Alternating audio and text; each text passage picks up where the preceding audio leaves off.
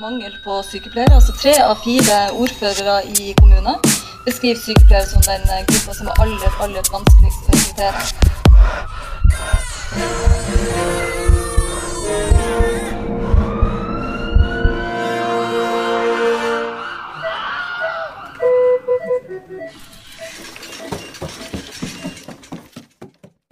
Hei, så hyggelig at du vil høre på Til ettertanke. Dette er en liten ekstra episode som jeg lager innimellom når jeg sitter igjen med litt ekstra tanker da, etter en episode eller to. Så nå håper jo jeg at du har hørt begge episodene med Daniel. Fordi herregud, han Daniel han kan jo så mye, og han har så mye erfaring. Og ja, jeg sitter jo igjen med litt tanker etterpå, da. Og det jeg sitter igjen med tanker om, er herpes. Ikke fordi han sa noe feil om herpes. Han sa veldig mye bra og viktig og riktig. Men jeg syns vi skal snakke mer om herpes. Og hvorfor det? Jo, nettopp fordi det er så mye stigma rundt det. Og både jeg og Daniel var ganske enige om at det trengs mer folkeopplysning. Så nå, kjære lyttere, skal dere få litt seksualundervisning av meg. Jeg er jo verken helsesykepleier eller sexolog, men jeg er sykepleier, og jeg kan lese. Og nå har jeg lest både opp og ned om herpes, for å si det sånn, både på FHI og Sex og samfunn og NHI. Så nå kjører vi bare på med herpes simplex virusinfeksjoner veileder for helsepersonell, skrevet av FHI. Herpes simplex virus, forkortet HSV, er et virus i familien herpes viridae. Som alle herpesvirus vil herpes simplex-viruset etter førstegangsinfeksjon forbli latent i kroppen resten av livet og kan reaktiveres. Hittil så finnes det to typer av viruset som er identifisert, og det er HSV1 og HSV2. Begge typer kan gi lesjoner rundt omkring ved munnen og på genitalia. Og med lesjoner så mener man jo da områder eh, som er annerledes eller sykt. Og disse lesjonene da, de er jo da i form av sår eller blemmer. HSV1 er vanligst ved munnsår, og HSV2 er vanligst ved genitalherpes. Men genital infeksjon med HSV1 ses i økende grad. Og helt ærlig, jeg tror det er fordi vi har en del oralsex. HSV-infeksjoner opptrer som primærinfeksjon eller tilbakevendende utbrudd. Genital herpesinfeksjon med HSV1 residiverer sjeldnere enn HSV2. Etter smitte ligger viruset latent i kroppen, da, og det ligger latent i nerverøtter. Og kan som sagt reaktiveres og gi symptomer. Og det er ofte da under spesielle forhold som ved sykdom og stress så står det reaktivering opptrer i 40-50% av tilfellene hos personer som har gjennomgått primærinfeksjon. Reservoar for HSV er kun mennesker. Infeksjon med type HSV gir delvis beskyttelse mot smitte med den andre typen, eller reduserer symptomene. Så litt om internasjonal situasjon. Genitalherpes har vist økning i høyinnkomstland fra begynnelsen av 1970-tallet og er i dag en av de vanligste seksuelt overførbare infeksjoner i den industrialiserte delen av verden. Verdens helseorganisasjon har estimert at to av tre av verdens befolkning under 50 år er smittet med HSV1, og at nærmere 500 millioner i alderen 15 til 49 år har genitale infeksjoner forårsaket av HSV1 eller HSV2. Litt om situasjonen i Norge. Man regner med at 50-80% av befolkningen gjennomgår primærinfeksjon med HSV1 som barn, og mange uten symptomer. De fleste vil ikke gjennomgå HSV2 primærinfeksjon før seksuell debut. De fleste, men ikke alle. Mellom 20 og 30% av den voksne befolkningen har genitalherpes. Medfødt, her medfødt herpes er svært sjeldent i Norge. Neste ark. Smittemåte. Ok. Direkte kontaktsmitte ved slimhinnekontakt og gjennom spytt og ved seksuell kontakt. HSV kan også hos den enkelte smitte fra kjønnsorganer til munn eller anus. Med andre ord, da. Vi kan få herpes ved å kline og kysse. Vi kan få herpes ved oralsex, vaginalsex og analsex. Man kan smittes med genitalherpes både ved utbrudd og vanlig bærerskap uten utbrudd. Nyfødte kan smittes hvis mor har utbrudd under eller tett opp mot fødselen, men vet du hva, det skal jeg snakke mer om seinere. Så er det kanskje noen som lurer på inkubasjonstid. Altså hvor lang tid, det, hvor lang tid tar det fra, man blir smitta av dette viruset og til man får utbrudd. Og det som står der, ja, fra dager til uker, men vanligst fra to til tolv dager. Så er det jo sånn at førstegangsutbruddet er verst. Så lurer dere kanskje på om vi har meldeplikt i Norge. Og det som står da, er genital herpesinfeksjon var i perioden 1983 til 1994 meldepliktig til MSIS. Og MSIS det står for Meldesystem for smittsomme sykdommer. Og det er det FHI som driver med. Men så står det encefalitt, altså infeksjon i hjernevevet, og meningitt, infeksjon i hjernehinnen forårsaket av HSV, det har vært meldepliktig i MSIS siden 70-tallet, og er det ennå. Fra 2012 så har dette gått under samlebetegnelsen virale infeksjoner i sentralnervesystemet. Så er det noen kriterier da, for å melde inn det her til MSIS. Altså kriterier for melding er laboratoriepåvisning av virus i cerebrospinalvæske ved isolering eller nukleinsyrepåvisning eller påvisning av spesifikke antistoffrespons i serum og eller cerebrospinalvæske. Uh, mange lange ord. Genital herpes er ikke meldepliktig til MSIS. Altså vanlig genital herpes som ikke har spredd seg til sentralnervesystemet, det trenger man ikke å melde inn lenger. Lurer man kanskje på behandling, og Daniel nevnte det jo litt, det er jo antivirale midler. Og det fins både tabletter og det fins kremer som kan da både forebygge nye utbrudd og dempe utbrudd. Og hvis du bare vil ha noe for å lindre litt raskt der og da, så kan du bruke sånn silikagel. Så er det langvarig herpesbehandling på personer med hyppige og langvarige utbrudd. Det er en spesialistoppgave. Med andre ord så er det ikke fastlegen som skal ta det. Da skal man henvises videre til spesialist. Og da regner jeg jo med at denne spesialisten kanskje er en venerolog eller en infeksjonsmedisiner.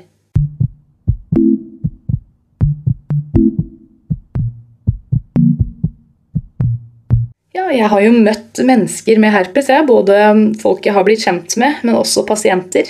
Og det som på en måte gjennomgår litt, da, det er jo at mange føler på skam. Og mange er redd for å fortelle dette til partner, og de tenker at nå kan jeg sikkert aldri få kjæreste, men det kan man. Altså Tenk at kanskje 80% eller mer av oss her i Norge har herpes. Hvis man bare blir litt flinkere til å snakke om hvor uvanlig det her er, at det er jo egentlig ikke noe farlig, ikke for vanlige mennesker, så tenker jeg at det, det tabu, det stigma, det kan, vi, det kan vi få til å forsvinne. Og så kan man helt fint få kjæreste selv om man er bærer av herpesviruset. Mange sier jo også at eh, det gjør forferdelig vondt, og mange får kanskje problemer med å tisse. Jeg vet jo at eh, noen har måttet komme til akuttmottak eller legevakt for å få lagt inn et blærekateter, rett og slett pga. genital ødem. Så har jeg lest litt på Sex og Samfunn eh, sin hjemmeside. Og Sex og Samfunn det er jo Norges største senter for seksuell og reproduktiv helse. De sier herpes er svært vanlig. Trolig smittes over 80% av alle i Norge i løpet av livet med ett av de to herpesvirusene. De fleste som er smittet, får aldri utbrudd med sår. Noen får utbrudd én gang i livet, mens andre kan få utbrudd flere ganger. Dersom man får HSV1-smitte gjennom spytt, får man munnherpes type HSV1. Da er man immun mot å få HSV1 som kjønnsherpes senere. Får man HSV2-smitte gjennom spytt, får man munnherpes type HSV2. Da er man immun mot å få HSV2 som kjønnsherpes senere. Og det her gir jo mening. Jeg husker da jeg fikk min første kjæreste. Jeg var ganske ung, jeg var elleve år. Og vi gikk jo og klina dagen lang. Og vi fikk jo noen grusomme sånne kjøttsår rundt munnen til slutt, eh, begge to. Og så gikk det bort. Og jeg tror nok det var herpes, men siden den gang så har jeg ikke fått noe sår rundt munnen, og jeg har ikke fått noe sår nedentil, så hvem vet, kanskje det fungerte som en slags naturlig vaksinasjon for meg. Står det virusene kan kryssmitte. Det vil si at dersom en person med munnherpes gir munnsex, kan personen som får munnsex, bli smittet og kan få kjønnsherpes. Dersom en person som har kjønnsherpes, får munnsex, kan den som gir munnsex, få munnherpes. Ja, så må jeg lese litt om herpes og graviditet. Det er en egen artikkel om det på nhi.no. Og Der står det gravide med førstegangs eller gjentatte utbrudd med herpesinfeksjon i underlivet, altså herpes genitalis, i de siste fem ukene før fødsel løper betydelig risiko for å smitte barnet. Nyfødte kan utvikle alvorlig sykdom som encefalitt og sepsis, eller utbredte hud- og slimhinneforandringer. Det er derfor viktig å avdekke aktivt herpesutbrudd forut for fødselen eller tidligere plager med herpesutbrudd eller seksualpartner med genital herpesinfeksjon. Nyfødte kan smittes ved fødselen gjennom slimhinner i fødselskanalen dersom mor har utbrudd ved fødsel. Har du tidligere hatt herpesutbrudd på kjønnsdelene, er det en liten risiko i forbindelse med graviditet og fødsel. Under 3 står det. Har du hatt gjentatte herpesutbrudd, er det mulig for at hyppigheten på utbrudd tiltar i svangerskapet. Har du hyppige utbrudd under graviditet, kan tablettbehandling overveies de siste ukene før forventet fødselstidspunkt. Så er det sånn at Alle får jo en termindato å forholde seg til, men eh, vannet kan jo egentlig gå når som helst. Så får du prematur vannavgang, så ring til sykehuset. Hvis du får et førstegangsutbrudd av herpes på kjønnsdelene i løpet av de siste fem uker før fødsel, kan det være større risiko for å smitte barn ved fødsel. Smittefaren for barna er da om lag 30-50% Du bør da kontakte lege eller jordmor for vurdering og eventuelt behandling og vurdering av forløsningsmetode. Ved pågående utbrudd i fødselskanalen vil barnet normalt forløses med keisersnitt. Så litt om diagnostikk. Ved mistanke om pågående herpesinfeksjon kan det tas prøve fra sårsikkerhet og eventuelt antistoffprøve. Så litt om forebygging og tiltak.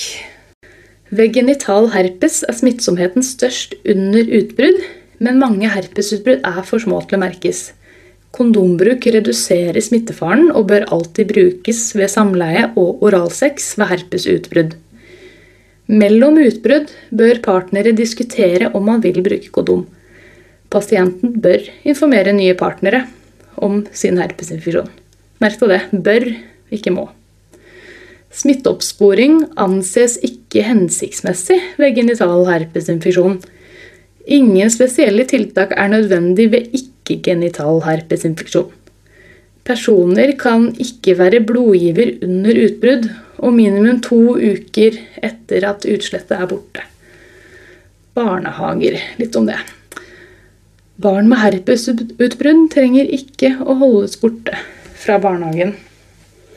Nå håper jeg dere har blitt litt klokere på herpes. Jeg har i hvert fall blitt det. Hvis det var noe viktig som jeg ikke har sagt, eller det er noe dere mener ikke var helt riktig, så ikke nøl med å sende meg melding på Instagram.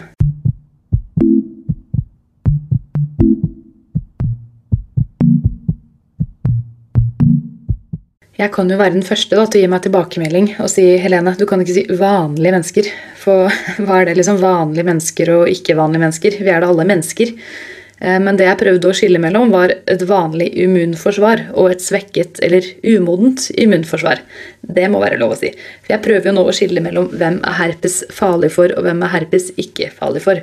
Og jeg håper nå dere har fått med dere at for de aller, aller fleste så er ikke herpes farlig. Det kan være vondt, det kan være sjenerende, det kan være stigmatiserende, men for de fleste med et normalt immunforsvar så er det ikke farlig.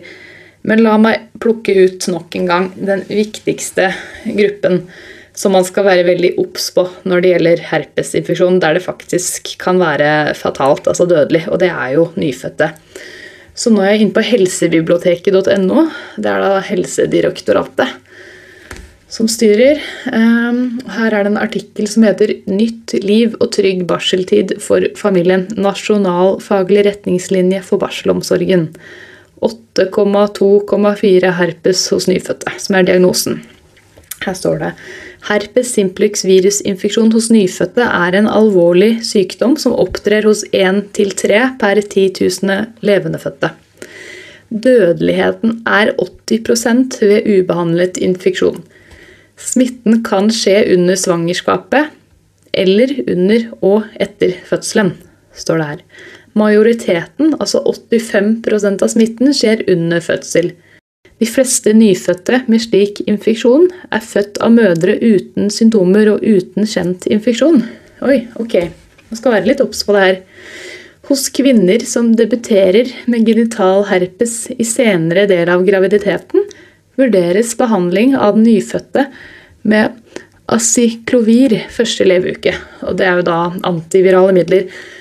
Det vil si, Er det sånn at det nyfødte barnet har herpes eller stor, stor risiko for å få herpesinfeksjon, så er det egentlig rett inn på nyfødtintensiven. Altså. Så står det videre hos spedbarn født av kvinner med tilbakevendende herpesinfeksjoner vil antistoffer som passivt overføres fra mor, sannsynligvis redusere risikoen for alvorlig sykdom betydelig. Risikoen når en kvinne ikke aktivt produserer og utskiller virus, er ubetydelig. Herpes simplex virusinfeksjon hos nyfødte kan være lokalisert til hud, øye og munnhule. Dette er den mest vanlige typen.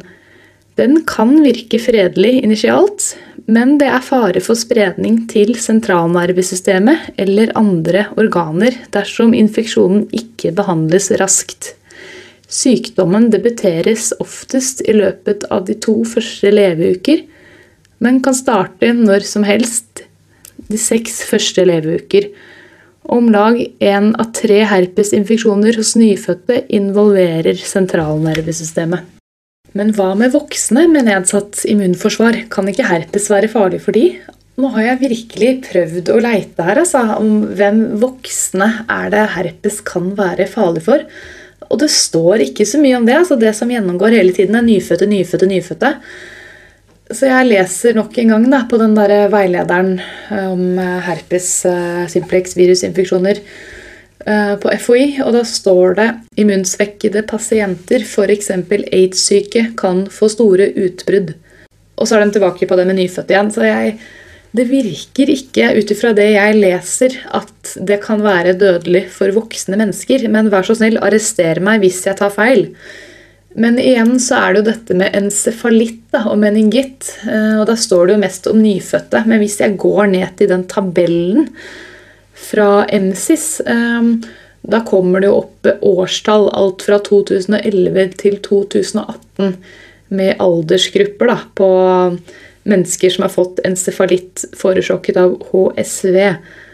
Og da er det jo tall da, på mennesker over 50 år. Eh, I 2018 f.eks. så var det 28 personer over 50 år som fikk encefalitt forårsaket av HSV.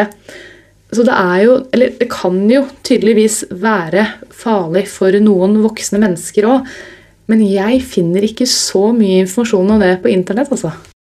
Oi, nå har klokken blitt 01.47, og det er jo veldig typisk at det er den tiden av døgnet da jeg er mest kreativ, men absolutt bør gå og legge meg og prøve å holde denne fantastiske døgnrytmen, da, som alle sier er så viktig, men som ikke er like lett å holde når man er helsepersonell og jobber tredelt turnus. Men anyway, nå har jeg prøvd å lære så mye som mulig om herpes på kortest mulig tid. Jeg har lært masse, men likevel, jo mer jeg leser om herpes, desto mer skjønner jeg at jeg ikke vet. Så jeg har veldig lyst til å ta en videreutdanning jeg, i både seksuell helse og smittsomme sykdommer, for jeg syns det er så interessant. Hvis jeg skal prøve å oppsummere da, eh, det viktigste med herpes Nå har det vært mest snakk om genitalherpes, eh, men jeg skal prøve å oppsummere likevel. Man kan få herpes på munnen, og man kan få herpes nedentil. Det fins eh, type 1 og type 2 av herpes simplex virus, HSV. Eh, ja, det er vanligst med type 1 på munnen og type 2 nedentil, men det kan gå begge veier. Det er vanligst å bli smitta som barn med munnherpes. Eh, alt fra 50 til 80% kanskje mer, er bærere av herpes i Norge. Det er generelt en veldig vanlig virus eh, å gå rundt med. Er man uheldig og får vonde utbrudd, og kanskje gjentagende utbrudd også, så fins det god hjelp å få. Man kan ikke bli kvitt det, men man kan få gode medisiner som forebygger nye. Herpes er mest sjenerende og vondt, men ikke nødvendigvis farlig. De det er farligst for, det er de nyfødte. Og med det så tenker jeg jeg runder av. Som sagt, har dere noen tilbakemeldinger til meg, både ris og ros, så send meg en melding på Instagram. Eh, det blir jeg veldig glad for. Så håper jeg dere får en fin dag, kveld eller natt videre. Det kommer an på når du hører på denne episoden. Tudelidu! Nei, vent. En ting til. Jeg kom på Daniel. Han snakka jo om eh, denne arabiske sangen som han sang litt for en av pasientene på korona-intermediærkorten, så jeg tenkte jeg skulle vise dere litt av den sangen før vi avslutter helt. زوروني كل سنة مرة حرام تنسوني بالمرة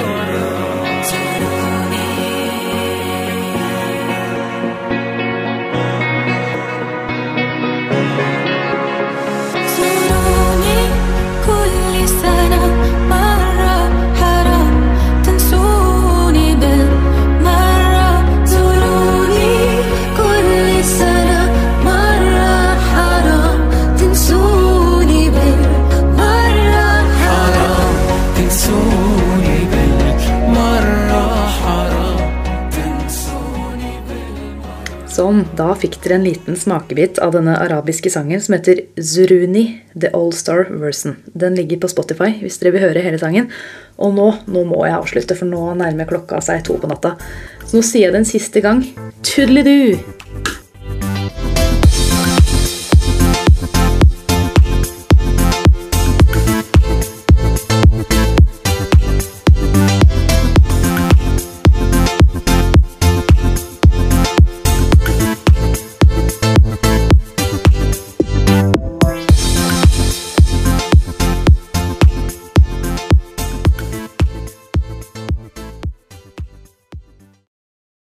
Har du et enkeltpersonforetak eller en liten bedrift? Da er du sikkert lei av å høre meg snakke om hvor enkelt det er med kvitteringer og bilag i fiken, så vi eh, gir oss her, vi.